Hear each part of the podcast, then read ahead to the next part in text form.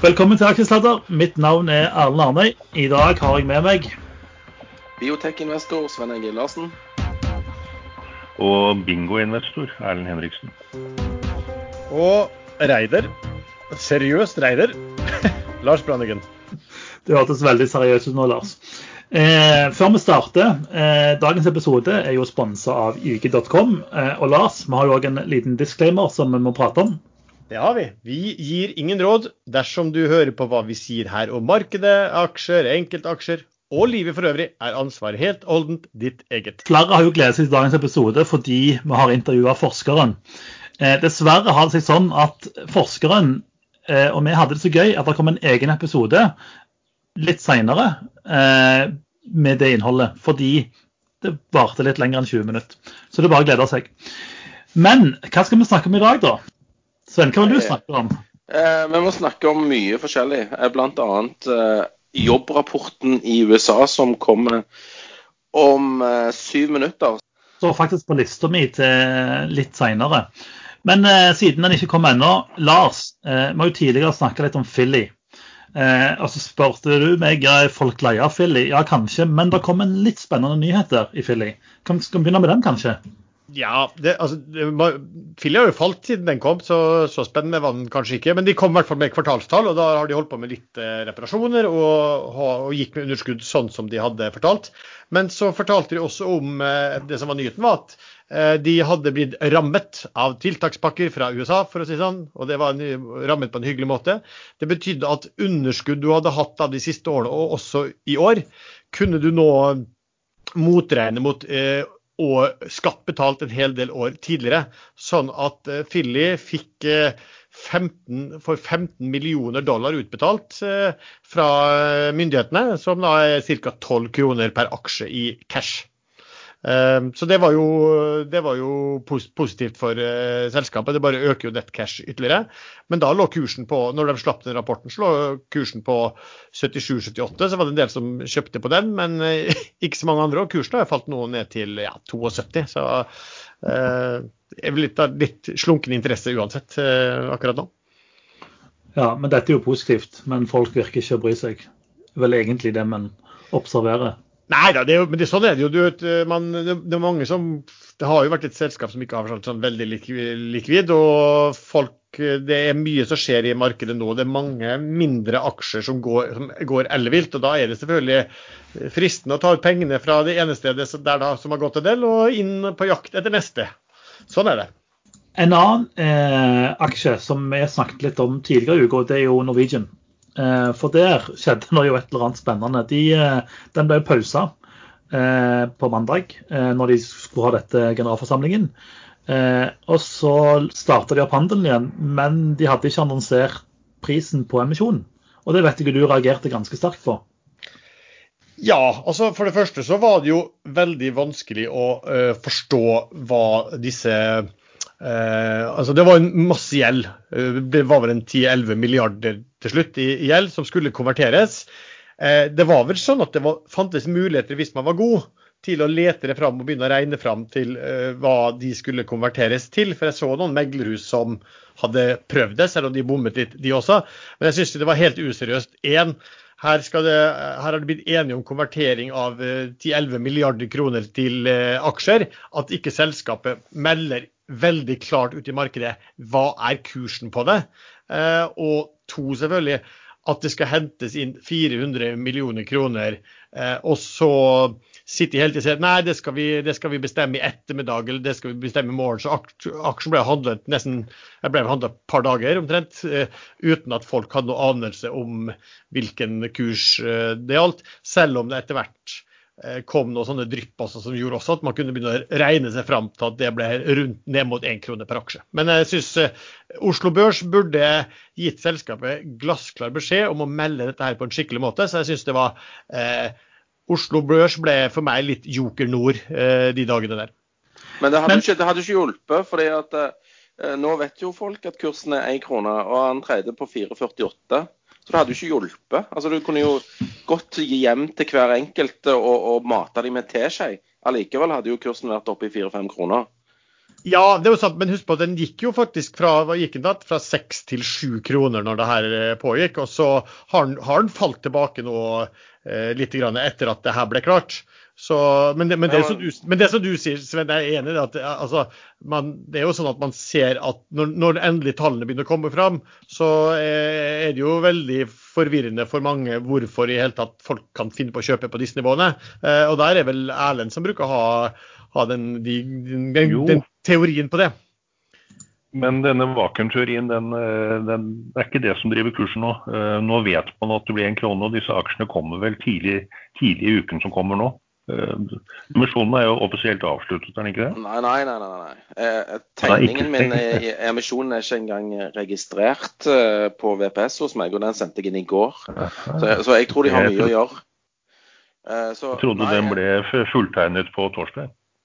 Ja, altså de boka er dekka, men uh, emisjonen kan løpe helt fram til den 14. Men det jeg tror skjer, da, for å lage en liten teori på det. Eh, nå ser man på aksjonærlisten at Folketrygdfondet har eh, redusert med et par millioner aksjer fra 13. Eh, noen sier at det er dukket opp aksjer til shorting.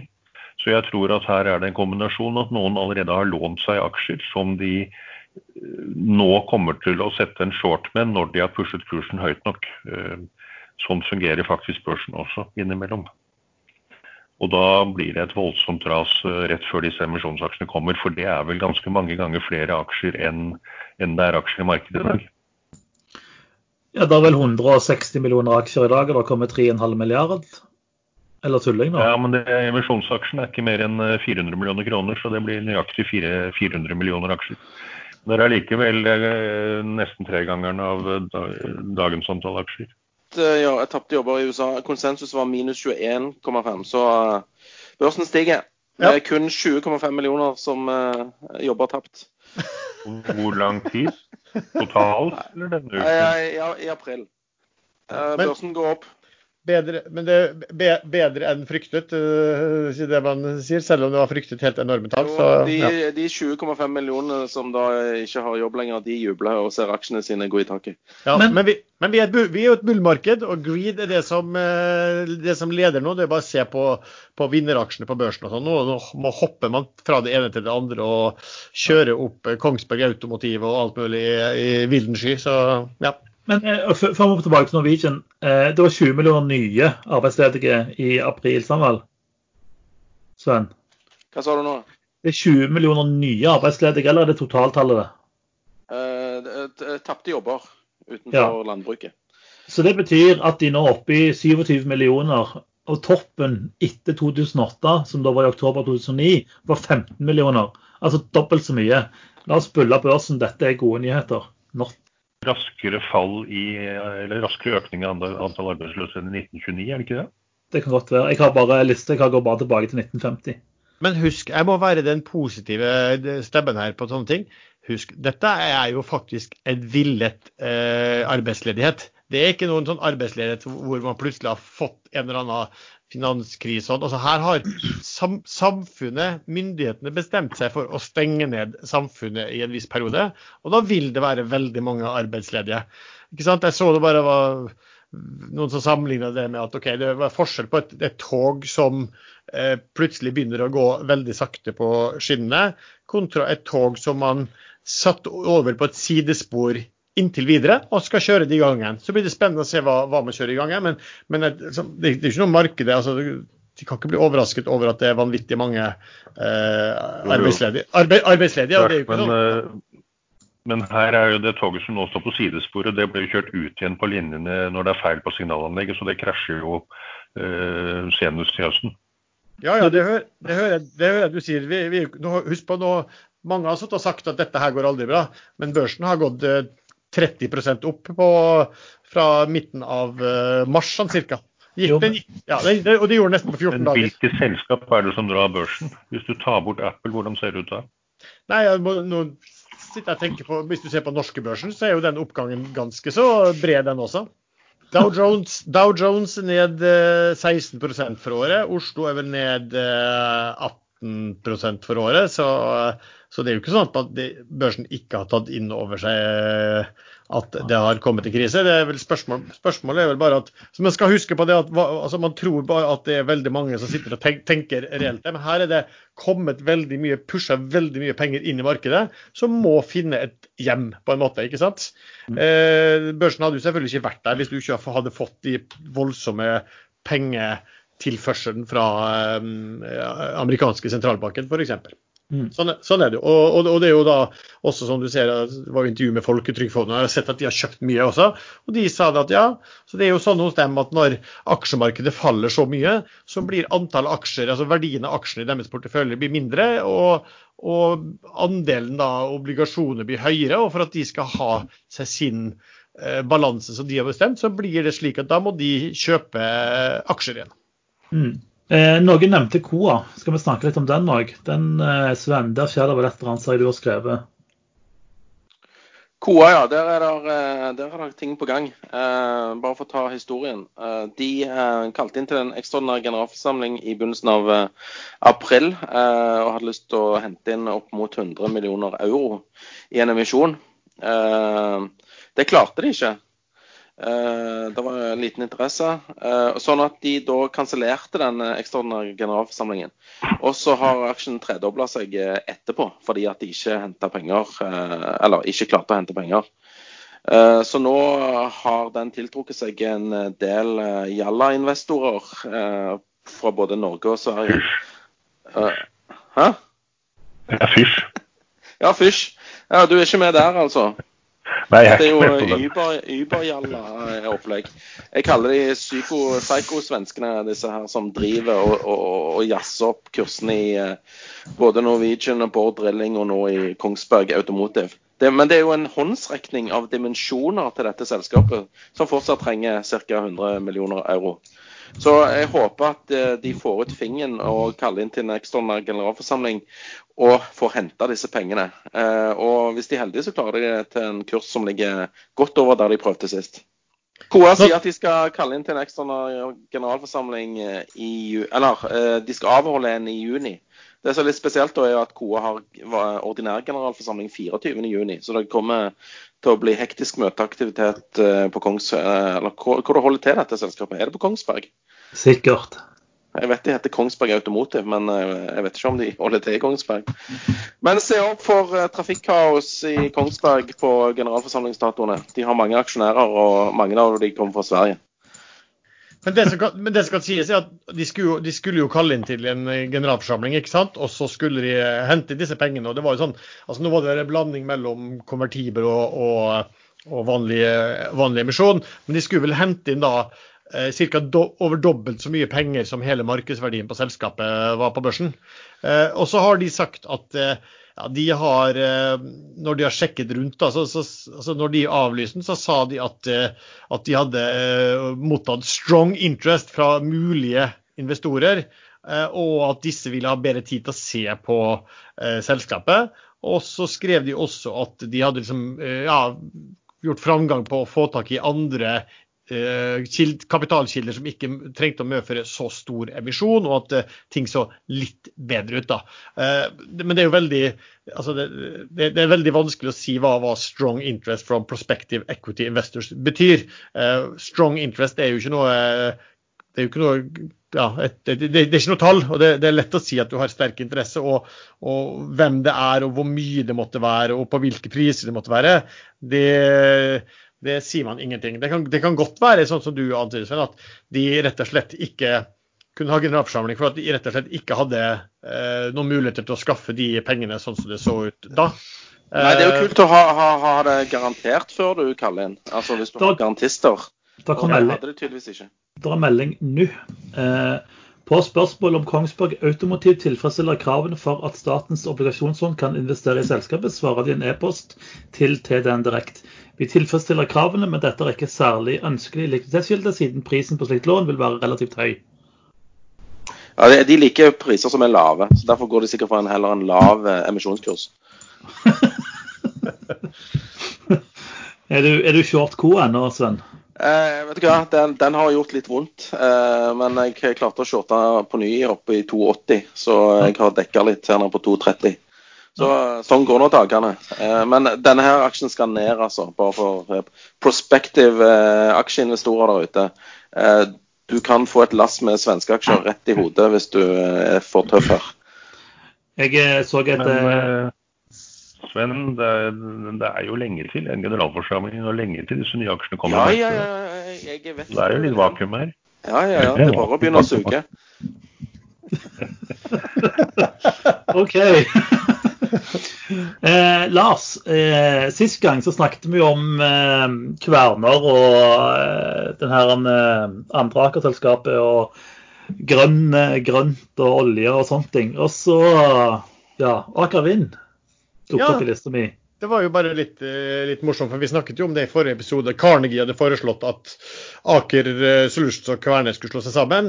Eh, eide aksjer i Kværner, syntes det var en dårlig idé, og sa at de to selskapene de har jo mye miljø, og spesielt mye vind.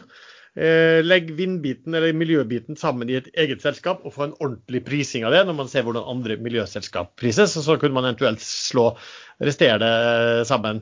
Eh, og Da var det jo litt morsomt, for da kom det også et intervju som vel var i forgårs, med toppsjefen i Aker, som sa at de så på veldig mange muligheter i strukturer for tiden, og en av de de tenkte på var en Aker Vind, der de kunne se for seg at uh, Aker Solutions uh, vindkraftdel og Kverners vindkraftdel ble lagt i ett selskap. Så det jo, ville jo vært uh, veldig spennende det, hvis det var mulig. Så det du sier egentlig er at ledelsen i Aker de har hørt på aksjesladder og tatt ideen din og, og, og snakket om den? Sannsynligvis. Eh, jeg ser jo at vi glemte å starte agendaen der jeg skulle starte den. Eh, for jeg ville jo snakket om hva folk hadde gjort denne uka. Eh, for det har jo vært ganske mye kvartalsrapporter siste, siden sist sending. Så jeg tenkte jeg ville snakke litt. Nå innså jeg jo hvorfor Lars ikke ville være programleder. Fordi du får aldri snakke. Alle andre snakker. Du må bare initiere prat hos de andre.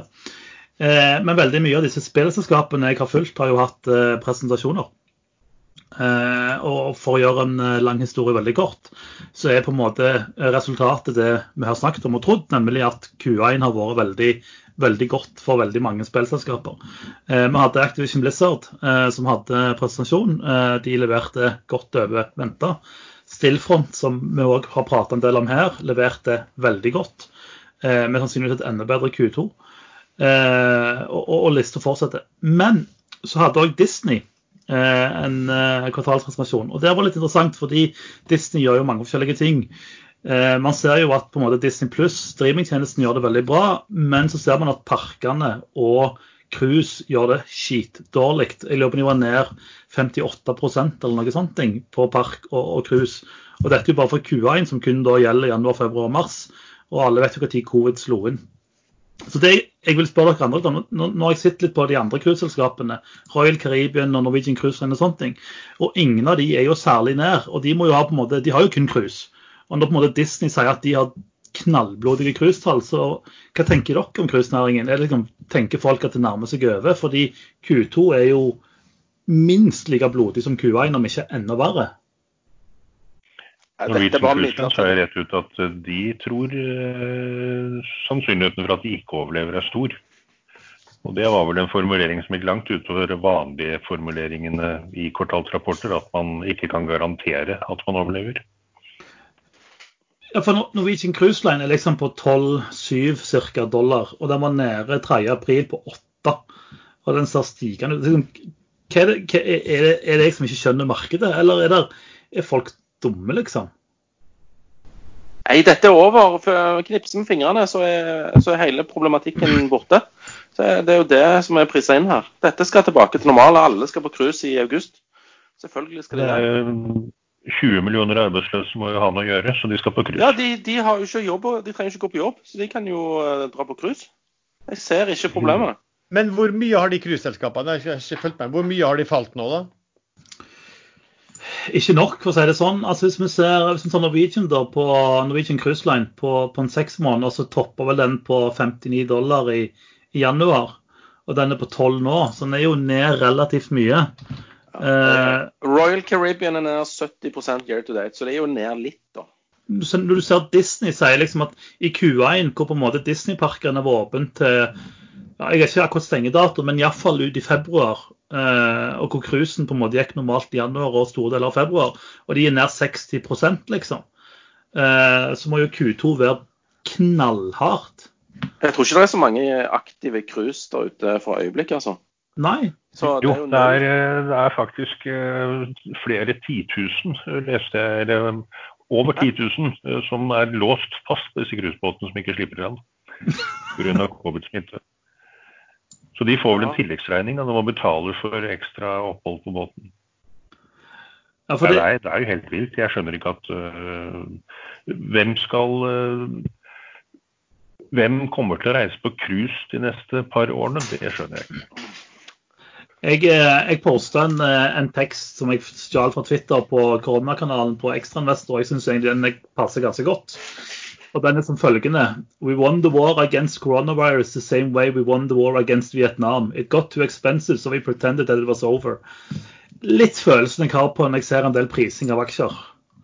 Eh, om, du bruker flyaksjer som eksempel i forhold til cruise, sånn, flyselskapene sin, eh, sin eh, ja, antall passasjerer er ned 99% liksom. Men, men hør. Altså, dere, snakker om et cruiseselskap som faller 60-70% liksom. Hva, hvor mye skulle det falt før dere var fornøyd, for å si det sånn? 150, Hun- hun- 100. 150 Ja. Minst 100. Ikke sant? Dere, dere, er så, dere er så permaber, ikke sant. Det er, jo, det er jo snakk om at man kommer ut på en, på en annen side. og så et, et så Spørsmålet blir hvor lang tid tar det før man kommer på en uh, normalitet. og det er folk, altså Folk glemmer fortere enn man tror, men det er avhengig av selvfølgelig hva som skjer i høst. Om det blir oppblussing eller ikke, eh, hvorvidt man får legemiddel som kan fungere bra, når kan man ha vaksine. Bla. Altså Man kan ha jo fort vaksine neste år, ikke sant? Hva skal tilsi da at ikke året etterpå? jo, jo, men altså, hvis kapitalismen skulle fått lov å virke her nå, så hadde alle gått konkurs. Ja. Hvorfor får det ikke lov å virke? Jo, men der, jo, men der er vi enige. Men det er jo noe som heter 'don't fight the Fed'. ikke sant? Det kommer inn en eh, stor eh, onkel med enorme penger og bare skyller Jo, men, men, men hvor lenge skal dette vare? Fordi, sånn som du har sagt tidligere, hvorfor skal vi betale skatt? Det er jo ikke, det er jo ikke vits. Nei, nei. Altså, eh, hvorfor skal selskapene og Wall Street reddes, når ikke liksom mannen i gata reddes? Det er et element til her. Cruisebransjen er jo stort sett flagget ut i Bahamas og Corona Island eh, litt av hvert overalt. Eh, Hvorfor skal Fed Cayman, kjøpe Cayman Island, har dere hørt den Og låten? hva Cayman er ikke Corona Island. Corona Island. Nei, det, nå tok du poenget mitt, Arlen. Hvorfor, var, hvorfor, skal. Hvorfor skal Fed bakke opp disse selskapene? De betaler ikke skatt i USA. Ja, men de er jo enorme eh, arbeidsgivere. Det er jo masse amerikanere som jobber på de båtene. Det er jo ikke det. Det er jo Ja, men på, kaien, da. Ja, men de bidrar til turisme i Florida, vet du. Og der har vi onkel Donald, vet du. Han er Alle stor i de båtene skal jo ha påfyll av eh, ting og tang som de skal ha med seg på det der partycruiset. Ja. Altså, det er masse ringvirkninger. Jo, men de følger jo ikke på det i USA. De følger, USA følger de bare på det de må ha, så følger de på underveis der det billigst. Aha, hvor de følger på Budwiser henne, da? Det er sikkert det meksikansk produsert Budwiser. Ok, Skal sies, jeg, jeg har vært på cruise ut fra eh, Florida. Det var ikke mye Budwiser på den båten, men det var fryktelig mye korona. Det er fortsatt mye korona. Ja. Nei, men, men, men det Erlend tar opp er ganske interessant, fordi eh, alle selskapene er flagga ut. Sant? De har jo kontor i Miami, men alt er registrert i Bermuda og Cayman og sånne ting, så de skatter ingenting. Eh, sjøfolkene er jo i stor grad filippinere, eh, og de som på en måte er frontene altså mot passasjerene, de er europeiske eller amerikanske eller noe sånt, men de skatter jo ingenting i noen av de landene. Eh, Så, så liksom, hvorfor skal cruiseselskapene reddes? Fordi de bidrar jo med ingenting. Ja da, er, vi fløy jo til Florida som alle andre, og vi var i, i Florida i ei uke og putta penger der. Men ja, kanskje, vi hadde, kanskje vi ikke hadde gjort det hvis vi ikke skulle på cruise, men allikevel. Det er liksom, cru- Cruiseselskapene bidrar jo ingenting. Sånn Nei, sett. men, Jeg men, har en tanke. Alt henger sammen med alt. men, men poenget å tenke sånn her, det, det er litt sånn Ja, altså, men det, det farlige blir å tenke Det blir litt sånn å, å tenke som motstander til The Fed. ikke sant? Da kan du På et eller annet tidspunkt vil du vinne. Forhåpentligvis er du i live. Det er litt der, altså. Nei, jeg Eh, tror ikke er jeg, jeg, jeg jeg kjenner faktisk folk som har liksom vært siden finanskrisen så bekymra for hva som har skjedd med pengetrykking, at de liksom har holdt seg unna markedet og vært så skeptiske at, at du har ti år uten, uten å fått med seg noe av, eh, av, av, oppgangen. ikke sant? Så det er jo litt sånn, altså du, du kan jo Når du snakker om cruise, da, for sånn, kan jeg jo gå tilbake til, til, til, finanskrisen. og En av de tingene som irriterte meg mest, var, det var jo at hvorfor skulle Goldman Sachs reddes i finanskrisen? Altså Hvorfor skulle Wall Street reddes på den måten? Beiles ut, og sånn at de gutta kunne tjene masse penger videre, eh, mens folk på gata var de som eh, blødde. Og, du ser jo litt av det samme i dag også, selv om det klart det dyttes veldig mye penger inn, eh, inn mot både privatpersoner og selskapet, som f.eks. vi snakka om på, på Philly, som fikk ja, 150 millioner kroner i tilbakebetaling av skatt. Ja, Nei, jeg, jeg kjøper det argumentet, altså. Men eh, jeg vet ikke. Jeg, jeg, jeg føler bare det 20 millioner arbeidsledige amerikanere, 80 000 døde. Eh, er ennå i første bølge. Eh, børsen, OK, børsen er ned 15-16-20% men ja, jeg vet ikke. Jeg, jeg, er nok litt låst i Parma. Vi snakket om dette litt før, før det glass, hvor jeg, hvor jeg sier liksom, jeg selger aksjer for tidlig. for Jeg tenker nå, nå, faller det, eller nå går det opp, og så neste dag så er det bare tjo hei. Eh, det strider litt mot eh, jeg vet ikke, mot fornuften eller mot uh, naturlovene. Jeg, ja. jeg, vet ikke. Ja. Men, det, men det, det, er artig hvordan dette henger sammen. fordi at Det er tre eh, aksjer i USA som eh, kjører opp indeksene hver dag, nesten. Og i og med at indeksene da stiger, så stiger jo de andre indeksene òg. Fordi at de følger på det, SNP 500-indeksen, eller Nasdaq eller Dow Jones. Og, og, da er det jo egentlig de som blåses opp her og drar med seg hele økonomien, eh, eller ikke økonomien, den går jo ikke opp, men eh, børsindeksen over hele verden mm. følger jo de tre selskapene. Det er helt sykt å tenke på, egentlig. Altså at de blåses høyere og høyere eh, bobler. Men, men, hvis man ser litt framover, altså, hva er det som drar indeksen? Jo, folk stapper penger i disse indeksfondene. sant?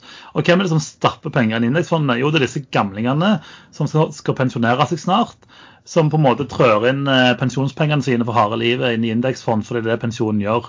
Hva skjer når disse pengene skal ut? Fordi dagens generasjon er jo arbeidsledige. Det er jo 20 millioner arbeidsledige amerikanere. De får ikke mye pensjonspenger å putte inn i indeksfondene sine. Sant? Dette er jo en boble som må sprenge før eller siden. Det blir siden. Ja.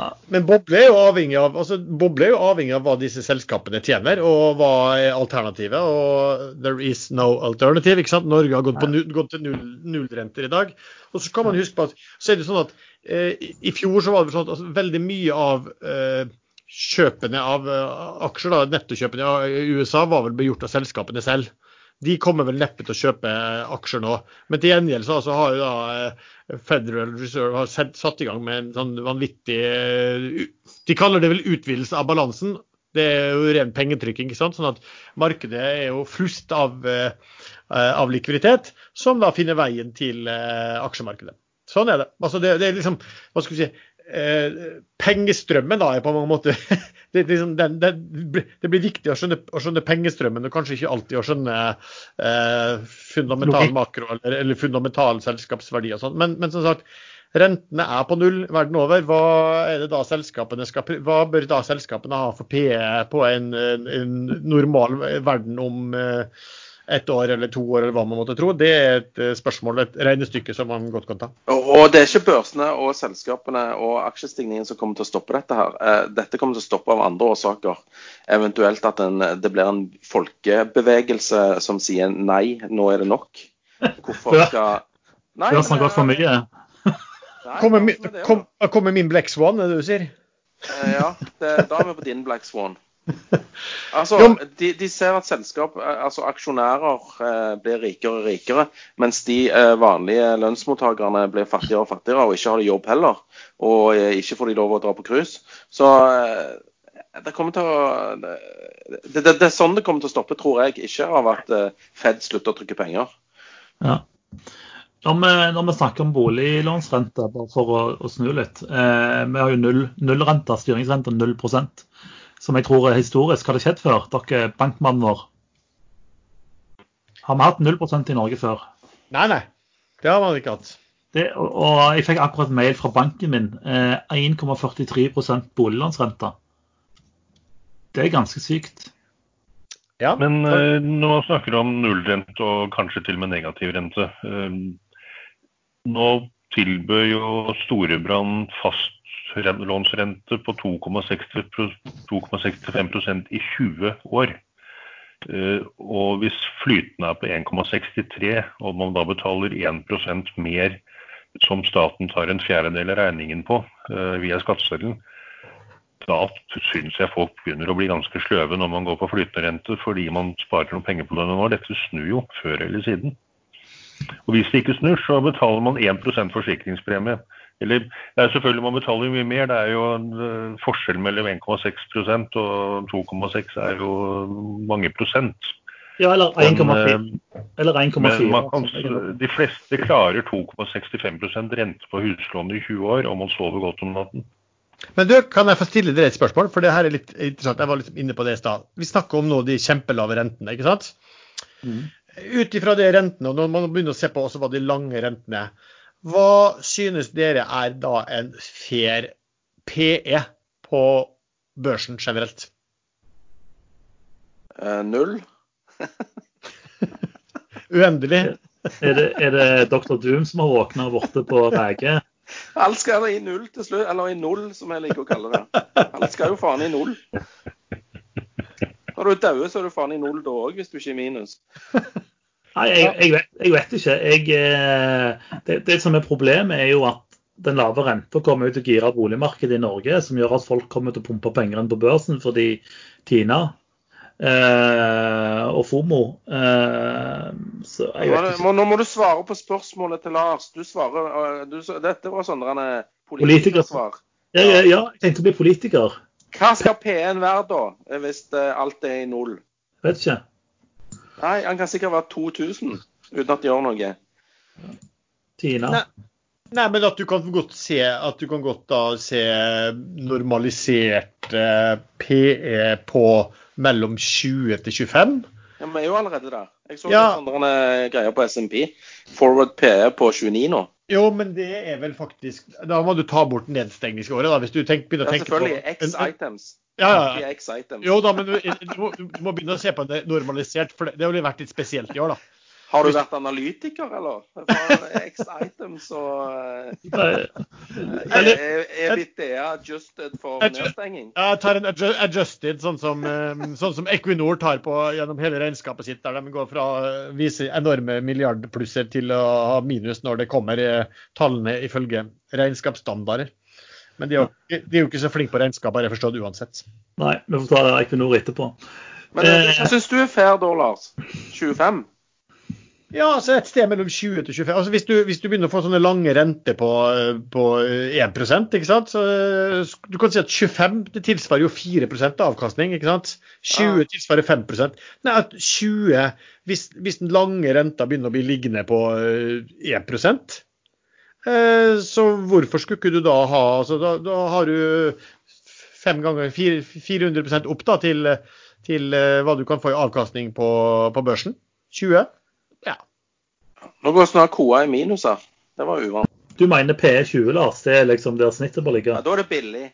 Kan godt det... være at det går over det også. Ja. ja. Nei, men altså, Det ser ikke til billig. Jeg bare sier at hvis, hvis renten er så lavt at uh, da blir Tina til gjengjeld uh, sterkere også. Altså, hvor, hvis du ikke, hvor skal du gå med pengene dine, på en måte?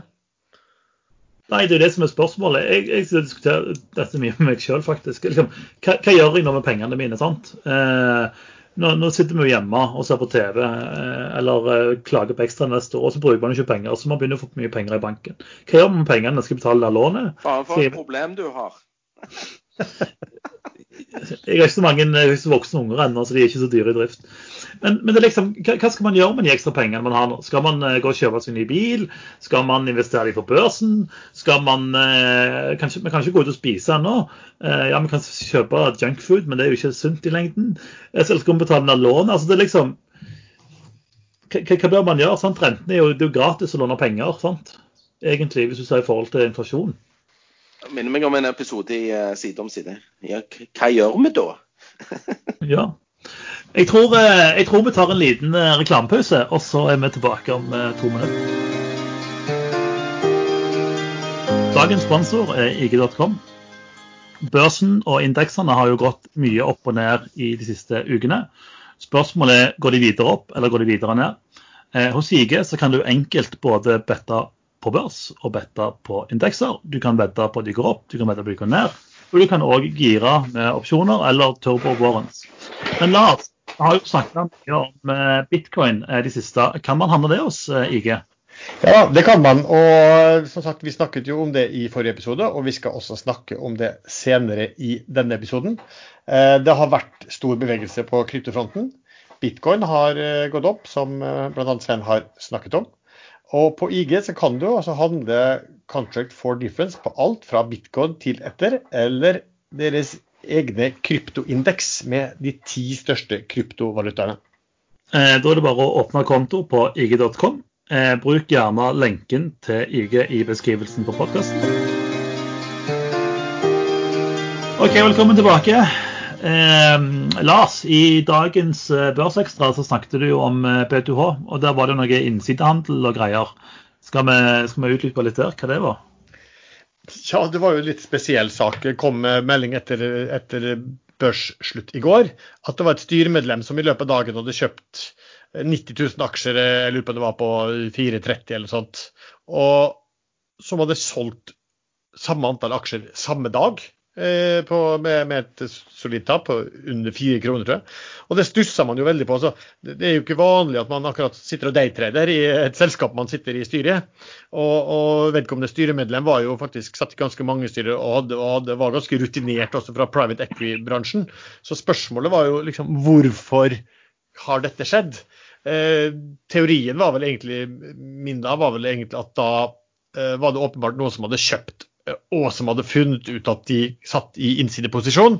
Eh, og derfor måtte begynne å selge igjen i en veldig fart for å prøve å hva skulle si, få, få dette til å gå, gå vekk. Og det, og det, kan være at altså, Selskapet meldte jo da før børs i dag at de hadde ansatt en ny CFO. Jeg vet ikke om jeg ville kalt det sånn innside, altså innsideinformasjon. Det er mulig at de, de, de, siden det skal meldes at de tolker det som det, og at det kan være grunnen til at vedkommende da kasta seg rundt og bare solgte de samme igjen. Og så gikk det jo da eh, noen uh, litt utpå dagen, og så kom det, kom det, jo en ny melding at styremedlemmene hadde kjøpt 90 000 aksjer igjen. Så kanskje det var, var bare det. Men i hvert fall var det veldig uh, en, en, en, en, merkelig seanse, for å si det sånn. Um, uh, som vi fokuserte litt på i, i Børsekstra i dag tidlig. Denne børsekstra-greiene det, det, ser ut som det virker som den hauseblekka her nå. Fordi at Hvis du skriver dagens tips der, og så bare går rett opp. Det er jo fantastisk. Ja, men jeg skri... Folk bør jo hive seg på den der greia. Hvis det ikke ja. koster penger, da, vel å merke. Ja, men det koster jo penger, da. det koster, det koster men, men, ja, men det men, kan jo være du tjener inn ganske fort, da, i og med at du har jo truffet på to av to her nå. Ja, Det er jo ikke jeg som treffer så veldig mye. Det jeg tar er at eh, Vi skriver jo det som, som, nye anbefalinger som har kommet, og medieoppslag som har kommet. Og så prøver jeg å plukke ut en av de som kan være eh, liksom en, en dag et obs, som kanskje er litt mer, som, som er litt mer spesiell. Eh, og der har vel faktisk kommet to ganger denne uken her. og ja, de har vel gått opp en 5-6 eh, på dagen eh, begge to, så det var hyggelig. Så jeg fikk faktisk en, en mail fra en som er en premium-mottaker. Dvs. Si at han, da betaler man 99 kroner i måneden, eller 999 for et år. Men vedkommende hadde i hvert fall kjøpt aksjen da når han fikk det dag tidlig for eh, kjøpt 100 000 aksjer i B2H og solgt det. Så han hadde, jeg tror han hadde gjort eh, ja, 20, 20, 25 ganger årsprisen eller et eller annet sånt eh, på, på det. Så det var jo ja, hyggelig. Ja. På, på en fantastisk, fantastisk opplegg. Høres ut som snikreklame, dette for, ja, dette, for dette, Vi prøver bare å flette det inn i det redaksjonelle. På samme måte som eh, andre medier gjør det. Dette, ok, sånn, ja. ja. Lest en del om dette eh, på sånn markedsføringsstrategi. Ja. Eh, så eh, dette var bare en fin måte å, å, å pushe dette produktet til Lars, sånn at han blir enda rikere og, og, og, og begynner å bry seg om innskuddsrenter igjen. Det er så bra. du, kan jo, du kan jo selge dagens OBS til høystbydende. Eh, jeg kan f.eks. by deg 199 kroner eh, på, på, mandag for å få en midt OBS. Ja, men det må jo være tatt ut fra en anbefaling eller et eller annet story i pressen.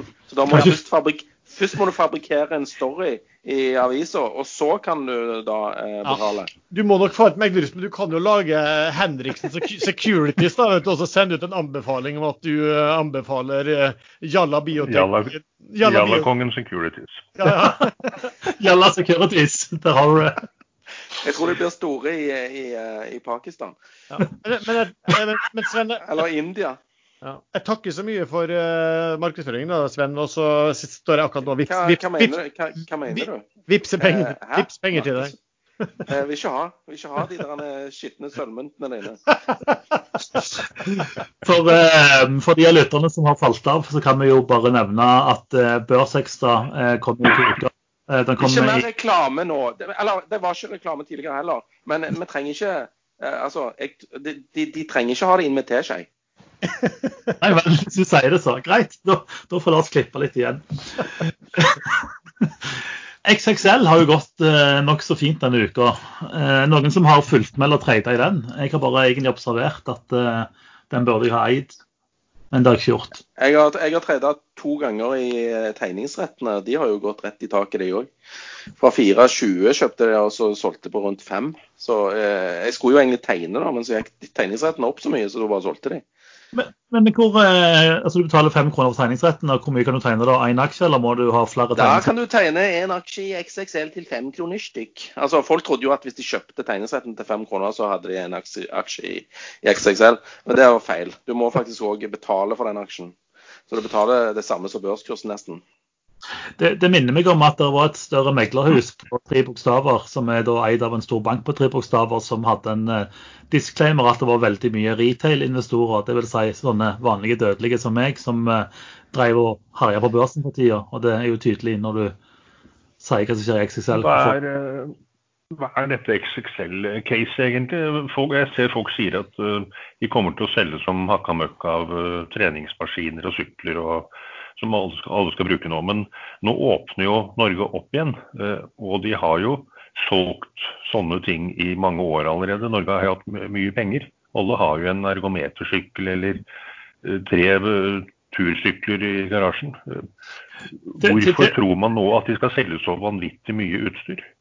Teorien med XXL er jo altså XXL hadde et problem, nemlig til det store lager med varer fra i fjor som de ikke har fått solgt. Eh, og så bytta de jo CEO. Eh, Pål Vibe som kom inn der nå ganske snart. Jeg vet ikke tid han overtar. Så, så det er litt bull. Eh, I tillegg så har jo flere sett på blir det forstyrrelser i vareflyten fra Kina fordi eh, covid-19. Eh, og sånn sett er jo selv heldige, for de har jo alle varene i Norge. Eh, og nå skal jo ingen reise på ferie. Alle skal sitte hjemme og, og plage naboen eh, og på en måte reise rundt i Norge. Og hva bruker man penger på da? Jo, da kjøper du kanskje den nye sykkelen fordi du ikke reiser til Syden. Eller, Øl, vin og Coca-Cola. eventuelt. Eller så kjøper du et surfebrett. Bobil mobil, mobil kjøper du nå. eller bobil, eller rulleski, eller eh, en basketball, eller ei fotballpop, eller whatever folk kjøper på Å oh, ja, det måtte være på XXL, ja. Ikke på andre plasser. Nei, det var XXL selv snakket om. Så, så det, det som er teorien, i hvert fall at uh, det store varelageret til XXL faktisk eh, kommer til å få bein å gå på i løpet av sommeren. Uh, og at de har fått inn en veldig veldig habil leder. Så det er vel, ja, så det, er vel det det går på. Altså Det det det aksjen går på, tror jeg, da. Du, jeg vil bare ha en liten sånn saksopplysning, for det kom akkurat nå en liten uh, melding her fra uh, Det var på, fra Finansavisen. For vi snakket jo om det, det, litt merkeverdige kjøpet fra uh, i uh, B2 Holding. B2H. Ja, Ja, ja. Og det, for, forklaringen var altså at uh, dette, dette styremedlemmet eh, hadde fått beskjed av selskapet at de, hun var ute av innsideperioden når de hadde eh, levert kvartalstall. Og, og i forbindelse med kvartalstallene så var planen at de også skulle fortelle om at de hadde fått ny CEO. Eh, men så hadde de av en eller annen grunn tydeligvis glemt å fortelle om dette med CEO. Men hun hadde jo fått med seg da at de hadde levert kvartalstallene, så hun kjøpte. Og så fikk hun vite at vi har ikke kjøpt, vi har jo ikke varslet om CFO. Eh, Så da gikk hun tilbake igjen og solgte de aksjene. Eh, Og så kjøpte hun igjen i dag, da, da hun hadde lov til å gjøre det, etter at de hadde. Så det var litt sånn som vi spekulerte i om, og det hun bekrefter. Så hun, ser, hun sier at hun sier litt lattermild at det var ikke snakk om å være, det var ikke snakk om å drive med, med, med daytrading. Og selskapet sier vel egentlig at de burde vel ikke akkurat forlangt at den eh, kjøpet i går skulle reverseres. Hun tapte jo forresten penger på det, så ja. Men en- eh, jeg tolker dette veldig bedre uansett, for hun kjøpte vel egentlig bare halvparten av det hun kjøpte i går. Nei. Hun kjøpte, hun kjøpte for like mye. Jeg vil si at det var bull, fordi at hun hadde ikke hun, Ah, eide, hun, e- hun eide ingen aksjer fra før. og så kjøpte hun for 90 000 aksjer til 4,22 i går, og solgte dem på 3,95, og så kjøpte hun igjen i dag på 4,08. Så dette er bull? Det er første gang hun har sittet i styret i to år, i hvert fall, og, og har ikke eid aksjer før, og kjøpt det nå, så et enkelt ja eller nei ville holdt. ja. Det- ja. Men eh, jeg bare tenker på eh, hvis denne aksjen var redaksjonelt omtalt i et nyhetsbrev, og så var det bull, liksom, så, så er det jo bare å kjøre på, ikke? Kjøpe, kjøpe. Ja, nå har den jo gått, vet ikke, jeg vet ikke hva den står nå. Den gikk jo, har jo gått en del i løpet av dagen etter at eh, Eh, Mener du vi skal selge den nå, da?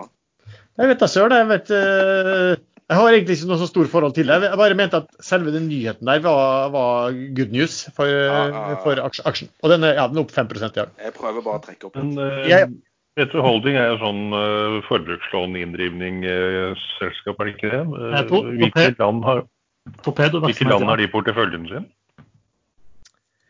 De har litt i Italia, i hvert fall.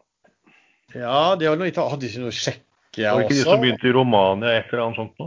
Jeg blander ofte litt sammen. men De, det er jo de og Aksaktor som holder på. De er jo litt i ulike land. Men Aksaktor er vel mye sterkere i Spania og Italia, tror jeg, enn BT Holding. Litt usikker. Men hvorfor tror disse aksjonærene nå at disse selskapene skal klare å inndrive den gjelden i de landene som er ganske hardt uh, koronarammet og mange arbeidsløse? Det er fordi at de fleste som skylder penger til dem, nå har arva mye fra alle gamlingene som døde. Faen at du ikke ser Ja, det må faktisk være noe sånn. Nei, det, det er noe sånn. Jeg beklager. Hvem har putta penger på Sven i dag? Det kom, ene vittigheten etter den andre kommer. Han sa han var, han sa han var sur. Jeg lurer på hvordan han er blid. Ja. Ja, det er sånn han er- det mangler i luft til, til hjernen, tror jeg. Du egentlig at du var litt enig med meg, gjør du det? Hva, hva da? er Enig i at det er ikke så enkelt for disse selskapene å inndrive denne gjelden som, eh, som de har kjøpt såkalt billig, som kanskje ikke er så billig lenger. Nei, men ifølge Lars så skal jo aksjer nå prises med skyhøye multipler. Så dette går fint. Eh, siden Sven er on fire, eh, sist uke Sven, så overraska du jo hele panelet med å kjøpe bitcoin. Eh, vi lurer litt på hvordan du klarte det, men eh, du har i hvert fall kjøpt bitcoin. Eh, Jo, jeg, jeg, oppretta en konto på Coinbase, og så trykte jeg på noen knapper, og så plutselig hadde jeg bitcoin. Så bra. Eh, for bitcoin er blitt et mainstream, og mange mener du er et alternativ til oppblåst Fiat pga. Eh, trykkinga til Fed. Eh, og så var det en Paul Tudor Jones som var ute og mente dette, og sammenligna dette med gull på 70-tallet. Hva, hva tenker gutta om det? Nei, jeg, jeg, altså det viser jo at seriøse Han Paul Tudor Jones han er jo en veldig seriøs eh, hedgefondforvalter eh, som har vist eh, sine evner over mange, mange, mange, mange år. Eh, og når han, en så profilert aktør, går ut og sier han kjøper, har kjøpt bitcoin i fondet sitt, så, så tror jeg det vil smitte litt over til andre tullinger, sånn som meg òg. Som da eh, Jeg har jo hata bitcoin siden det ble funnet opp, for jeg har ikke skjønt vitsen med det. Men jeg ser jo nå at når eh, sentralbankene driver og, og, og fyller på med nye og nye penger, så vil jo kanskje til slutt den pengeverdien bli litt mindre, og, og kursen på valutaen vil kanskje falle. Men, eh, og da vil kanskje kryptovalutaer eh, virke veldig stabile i forhold. Så vi er kanskje på, på nippet til en endring på samme måte som internett helt i begynnelsen. Det ble jo veldig oppblåst og nei, internett er bare tull, aviser er her forever, liksom. Så jeg tror kanskje vi er på det krysningspunktet der, der internett begynte å bli lønnsomt, eh, og, og folk kunne tjene penger på det. Jeg husker Amazon i gamle dager. Eh, Alle bare lo av det. De skulle selge bøker, de. Altså, men jeg tror ikke så mange som ler av Amazon eh, nå.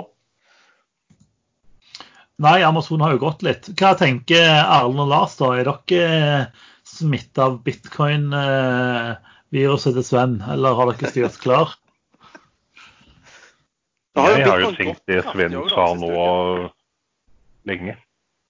Ja, Har du kjøpt bitcoin, eller har du ennå problemer med å, å finne ut hvordan du kjøper? Nei, nei, jeg, eh, jeg opprettet en konto i 2015, sommeren 2015. Men da jeg ikke, da skjønte jeg ikke hvordan jeg skulle overføre disse pengene til Coinbase. Så jeg droppa det og glemte det. Eh, Det angra jeg litt på i 2017, da kursen Da jeg lå vurderte å kjøpe sommeren 2015, da lå kursen på 270-80 dollar. Og den toppet ut på 20 000 dollar, dvs. Si 100-gangeren jo, 100-gangeren to år etterpå, to og et halvt år etterpå. Men så ramla den ned igjen til 3200 dollar, opp til 10 og ned igjen til 4-5 nå nettopp. Og nå er den oppe på nesten 10. Bitcoin har, jeg har stor tro på det. De jobber nå med å øke hastigheten på transaksjonene. Det, det går om et millisekund over landegrenser. Nesten ikke transaksjonskostnader. Og da snakker man både hurtighet og også sikkerhet for eh, store selskap som i dag bruker eh, bankenes betalingssystemer. Eh, hva heter det for noe? Swift bl.a. og Swift, Swift, ja. Og det er jo tregt, og det koster penger, og det er veldig usikkert Og et 50-60 år gammelt system som ligger i bunnen på dette. her. Så Swift-systemet øh, blir jo innimellom hacket på samme måte som bitcoin, og det har jo tapt øh, titalls og hundretalls millioner øh, kroner eller dollar, det systemet òg. Men det, det, merker jo ikke brukerne noe til. Men bitcoin er, blir, blir, raskt øh, pålitelig, og det går øh, Ja, kan brukes hvor som helst. Du kan ta ut penger i en bitcoin-automat, og du kan sette inn penger i en bitcoin-bankautomat osv. Men det er vel ikke, jeg skjønner ikke hvorfor. Det er vel ikke før du egentlig kan bruke det mainstream, altså betale med i butikken, at du, det skikkelig kommer til å ta av? Men har det... Nei, men der var de i 2017. Eh, det begynte å komme, og så forsvant de igjen. Ja, Det var det jeg skulle si. Det er som du sier, med internett det går opp og ned, og så plutselig så sitter det, og så går det bare én vei, og det også. Ja, nei, fordi at uh, folk var jo kritiske til uh, hastigheten det tok å gjennomføre transaksjonen. Det var det som alltid har vært bitcoin sin ulempe. Så hvis den eh, da endres til å eh, bli like rask som eh, kortbetaling f.eks., så, så vil jo det hjelpe på eh, veldig mye. Vi må jo høre hva bankmannen syns om bitcoin. Ja, bankmann, sant? Ja. Høre bankmann. Det sa jeg vel når Sven eh, sa han, at han hadde tenkt å investere. At jeg, jeg, tror det, når, jeg hører sånn litt kjente finansmenn også, så tror jeg det har litt med å gjøre med det vi eh, snakker om, og som ikke skjønner så mye av, at den helt enorme pengetrykkingen. Altså Et land kan gå med underskudd, og det, man kan bare trykke penger, nye penger uten at de pengene skal bli noe mindre verdt, og alt skal bare være fryd og gammen. Da begynner folk å miste litt så Kanskje en liten, litt, begynner gradvis å miste litt tillit til uh, den type penger. Og da begynner de kanskje å se seg om mot andre typer. Og, det, og det, da, da, blir jo bitcoin uh, interessant for dem. Litt på samme måte som gull, egentlig. Men ja. gull er jo veldig kjedelig og, og, og sånn. da. Ja. Bortsett fra at damene liker det. da. Så det er jo... Ja. Det er regner med at du å brife litt med gullet ditt, liksom. Så det blir litt annerledes å brife litt med bitcoin sin, på en måte, men uh, Blir du med hjem og ser på bitcoin-samlingen min? Det blir litt... på biten min. Merker vi har spilt inn for mye episoder i dag. jeg har bare fått være med på den ene. Jeg, ja, du vil jo ikke være med. Jeg ble jo ekskludert fra den der biotek-greia, selv om jeg er sånn biotek-trader. Bingo-trader. Det er jo mulig å kjøpe, kjøpe sånne CDF-er, det dette, hvis du ikke vil kjøpe CF, CFD. Jeg trodde du var sånn eh, Hvem er det som sponser dette programmet, og som er en ivrig tilbyder av sånne produkter? Yeah. Ja, de har sånne CFD-er på bitcoin. Jeg sier, alltid feil, bare for, faktisk. Bare for å flette inn det redaksjonelle sånn, på en måte. Nei, men Det er jo et alternativ hvis man ikke vil kjøpe bitcoin. Det er å kjøpe disse produktene som på en måte speiler bitcoin. Eh, som gjerne da er enklere og tryggere å handle enn eh, selve bitcoin. Jeg fant faktisk en norsk aktør som selger, selger bitcoin, så det var ganske kult. Eh, som er til og med godkjent hos Finanstilsynet. Som jeg har handla litt hos. For jeg, eh, det er ikke han der andre fra Stavanger som òg eh, tilbød bitcoin? Det er ikke så bra med han? Nei, han, han, eh, han, tok jo en snarvei, han. og så og så stakk han vel av med pengene når han jo saksøkte og etterforska hele greiene. Så nei, det var et nytt selskap som er godkjent av Finanstilsynet, som, eh, som jeg Handler handla litt av. Jeg tenkte å følge rådet ditt, for du har jo mer peiling enn jeg, så da kjøpte vi litt bitcoin. som det går. Men hvorfor kjøpte du ikke direkte fra, altså på en sånn bitcoin-børs? Det er en bitcoin-børs. Oh, det er en norsk, okay. norsk, norsk bitcoin-børs. Så jeg eh, overførte bare fra banken norske kroner til dem. Og så eh, registrerer du med bank det, så du slipper å selge sånn passbilde og alt mulig piss til, til, Coinbase. Og så handler du bare hos de. Det funker. Ja, ja. Men, men, men, eh, hva gjorde du med de der coinsa, da? Nei, De ligger hos de. De er jo børs. så de Ja, har jo... Stoler du på de? Ja, Jeg, de, du må jo lagre den i elekt- Jeg trodde du var IT-nerd. jeg. Du må jo ta og lagre det i en sånn elektronisk wallet. jeg har en sånn, Selv bruker jeg eh, Elektrum. De Jeg har- var ganske greie. jeg har sånn USB-wallet som jeg kan uh, bruke hvis jeg føler det blir for mye penger. Men jeg altså, Men Sven, har, hvor har du koden din, Sven? Jeg ligger under tastaturet, selvfølgelig. Den gjør det. OK. Og adressen hva? Nei, men eh, Sven, hvis du bare sender meg en sånn, et bilde av koden din, skal jeg ta vare på den for deg, så går det helt fint. Ja, dere er artige. Ja. Nei, jeg, eh, jeg, er- for meg så er det en relativt liten investering, så det Ja, det, det, det er for meg òg. Altså. Jeg har ikke gått all in bitcoin. Men jeg syns det er litt fascinerende å se på om dette faktisk spiller seg ut. Ja. Uh, at eh, folk begynner å bli skeptiske til uh, US dollars og, og, Det, og andre store valutaer. det, det er faktisk det er min tanke òg. Det ene er den der med hafning som vi snakket om sist, og det andre er det at den der pengetrykkingen eh, bør jo føre til noe. Så hvis bitcoin skal massivt opp igjen, så er det på en måte nå muligheten for renessanse. Så får vi se. Det er, en, eh, det er en ting til med, med krypto. Eh, Man kan trede en eh, god del som valuta i, i par. Selv har jeg fulgt med på tre av de store. Det er bitcoin, ethereum og lightcoin. Eh, Og de går ofte motsatt av hverandre. Akkurat nå raser lightcoin i verdi i forhold til bitcoin, men den holder seg relativt stabil på rett under 50 dollar for én lightcoin. Um, og Hvis man ser på historisk utvikling, så kan den plutselig gå tre ganger så mye som bitcoin. Det gjorde den i 2017. Den fortsatte etter at bitcoin raste ned i 2017 desember, så fortsatte lightcoin opp veldig lenge utover i 2018. Og veldig mye høyere enn bitcoin noensinne gikk i forhold til hva det startet på. Så man burde se litt på forholdstallene mellom de to, og kanskje switche mellom to-tre sånne coins for å få med seg maksimalt oppover. Det minner meg litt om det som vi snakket om i, i bio, biotech-episoden som Sven ikke har vært med på. Det er jo at total market cap er ganske lik, og pengene hopper mellom selskaper. I dette tilfellet mellom ulike coins. Eh, bare for å hoppe videre.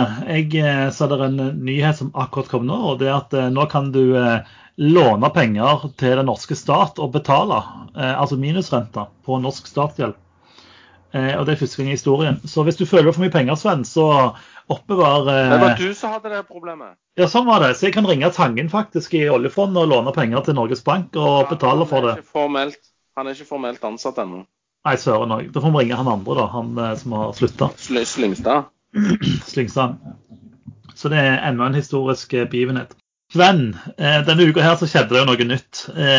Vi kommer jo med gode tips hver uke. Vi har en disclaimer. Eh, Noen følger tipsene våre, men, men denne uka fikk du en klage på tipset ditt, faktisk. Ja, jeg fikk en klage på et uh, mer enn uh, to uker gammelt tips uh, om å kjøpe tankaksjer. Jeg hadde jo en tirade der med liksom kan det lagre olje, så må du kjøpe det. Og det funka jo det noen dager, men altså to uker etterpå altså, Ja vel, vi er på internett, og du har kanskje sånn der en eh, angrerett i 14 dager, men hallo.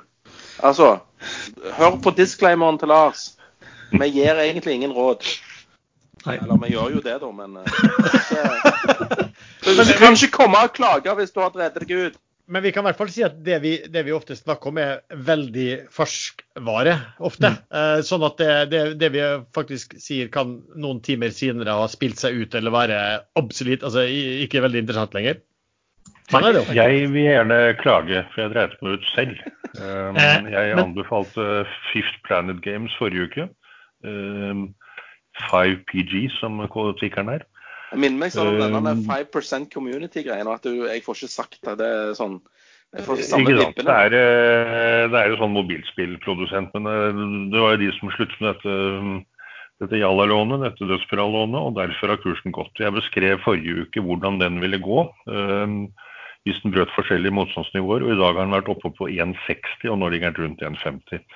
Eh, Etter at vi spilte inn forrige episode, det var forrige torsdag, eh, før børsen stengte, så kom det noen melding fra Bergen Bio om at de var varslet i fast track. Det var kanskje muligens dagen før den meldingen kom. Eh, Det var det vel.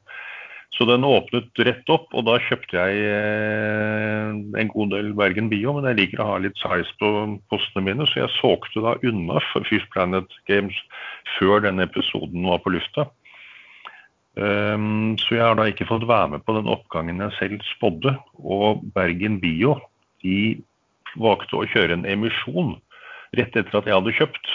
Uh, og den kom litt overraskende, for alle trodde de hadde nok penger. Men da ramla kursen 20% og så har den falt 10% til etter det. Så nå det, ble, det, det ble liksom dobbeltvondt. Jeg ble ikke med på oppgangen og ble med på nedgangen. Men jeg, jeg velger å sitte i Bergen Bio. Den, Men, men hva var eh, klagen din egentlig? Hva, hva var det du skulle klage på? Han, eh, Slemt marked. Både tap og uh, entgangende gevinn, som det heter på tysk. Jeg får ikke med på gevinsten i Og det må jo, noen må jo være ansvarlig for det. Ja, men det må jo være deg, for du fulgte ikke planen din. Du endra planen underveis. Men også du akkurat at du var ikke ansvarlig for eh, ta, tap i tank. Nei, jeg, jeg er ikke ansvarlig for noe. Jeg er det man kan kalle uansvarlig, ja. Helt uansvarlige Sven. Ja. Men, eh, men Sven, du har jo eh, du har, Jeg ser på agendaen her, så mer, eh, du har mer på hjertet, hører jeg. Det er enkelte personer på nettfora som stadig skal hakke på meg. Så eh, det er bare så det er nevnt. Altså, du havner i den svarte lille boka. Det, det er en farlig bok. Eh, når vi er Eh, du, på, bare, bare, jeg bare, bare, den, den svarte lille boka, er, er, det som, er det der du har de bitcoin-nøklene dine? Er det, er det, har, du- har du, Jeg har skrevet det opp ned ja, på siste side. OK. Så det, det, Ja, det gjør det litt Det gjør det litt lettere, ja. ja. Det ligger under tastaturet mitt. Sammen med eh, diverse andre støvkorn. Nei, faen, der gikk koa i minus. Oi, oi, oi. Svenskene rømmer landet. ja, Svenskene innså at den norske børsen stenger en time for den svenske. Eh, når vi er inne på, på, på ting på hjertet Jeg, jeg fikk en vips her som bare si at Stian, eh, eh, Stian på ekstramester, du, er en- du er en bra fyr. Skal vi ta ukas tips, eh, som vi selvsagt ikke er ansvarlige for? Eh, Sven, eh, er det noe du anbefaler folk denne uka? Kjøp bitcoin. Kjøp bitcoin. Ja, jeg, altså, nå er jeg ansvarlig. Fordi at jeg kunne sagt eh, noe annet. Og det ville betydd at det forrige tipset mitt da var gått ut på dato. Altså, I og med at jeg nå sier kjøp bitcoin, så er, er, er det ukas tips. Da avslutter liksom Da nytter det ikke å komme og si at ja, men du, du anbefalte tank for tre uker siden. Når jeg da kommer med et nytt tips, så er den tankgreia ferdig. Det, det er sånn det virker. Skjønner. Så bitcoin. Allen, noe, noe du ser på denne uka?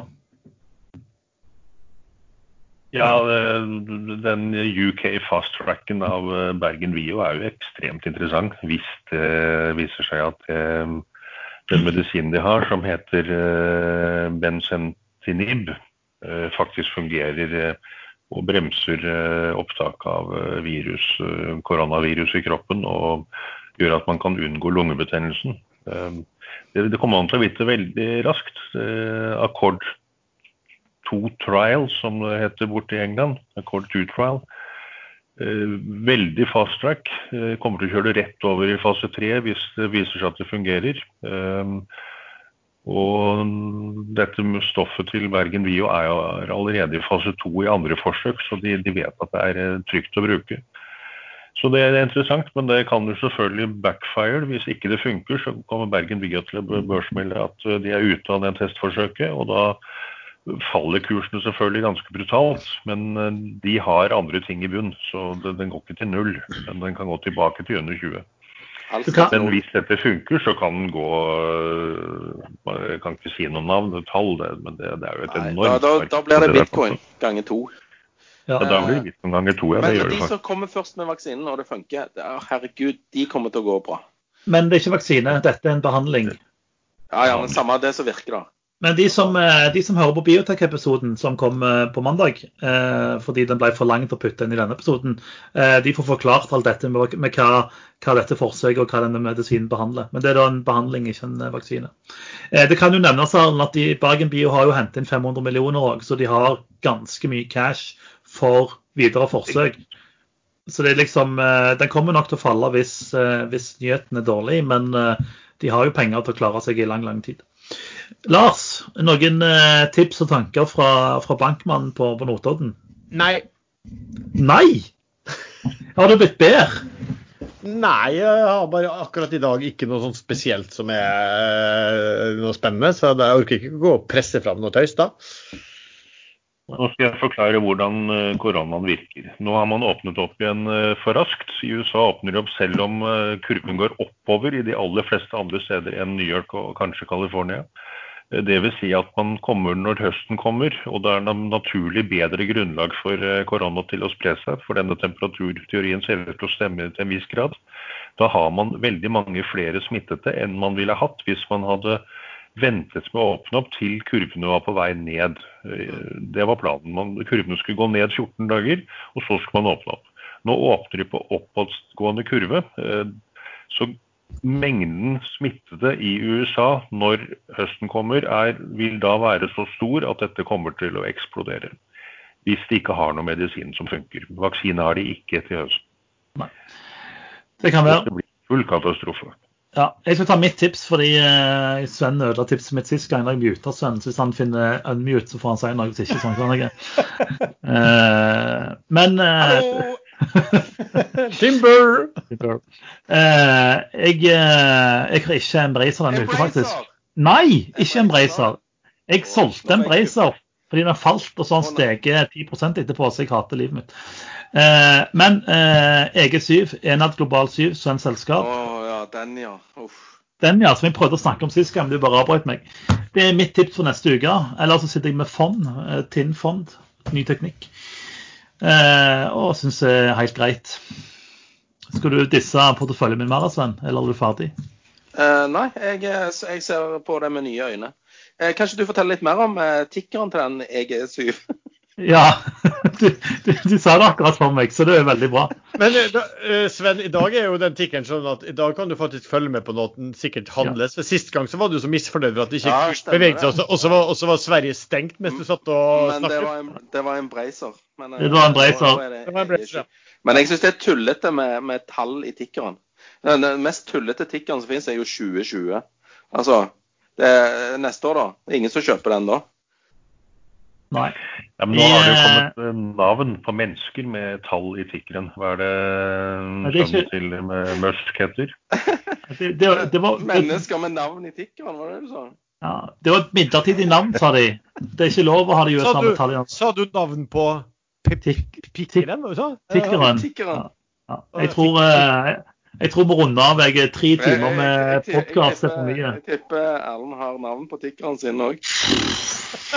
Det, det, det, må være et kort navn. Veldig kort navn. Jeg håper det er Henriksen vi snakker om nå. Det er jo denne vitsen med 'Welcome to Jamaica', eller hva faen det var for noe. Ja. Dere, dere, vet hva man sier om, eh, om, om, de som sier at andre ikke har så stor? Nei, Jarl, det vet vi ikke. hva, hva, sier vi? Hva sier de? Det kunne jo være at du hadde en kjempestor bokstav, da. Han har så kjempelang, fordi For en gjeng. det er derfor han må ha en tikker.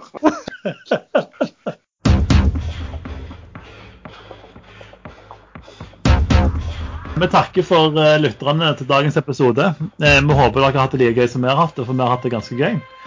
Gjentar at det kommer en eh, egen biotek-episode på mandag, eh, som skulle være en del av denne. Men eh, når en forsker og Erlend Henriksen setter i gang og snakker, så, så snakker de ganske lenge. Eh, dersom du har synspunkter, er enige eller uenige, så kan du gjerne ta diskusjonen med oss på Aksjesladder på Ekstrainvestor eller podkasten Aksjesladder på Facebook. Vi håper òg at de som ikke har gjort det, kan gi oss fem stjerner på Apple Podkast. Det hjelper oss til synlighet, og mer synlighet betyr at flere får lov å høre denne fantastiske podkasten. I dag er det 8. mai, så vi gratulerer og takker alle veteraner.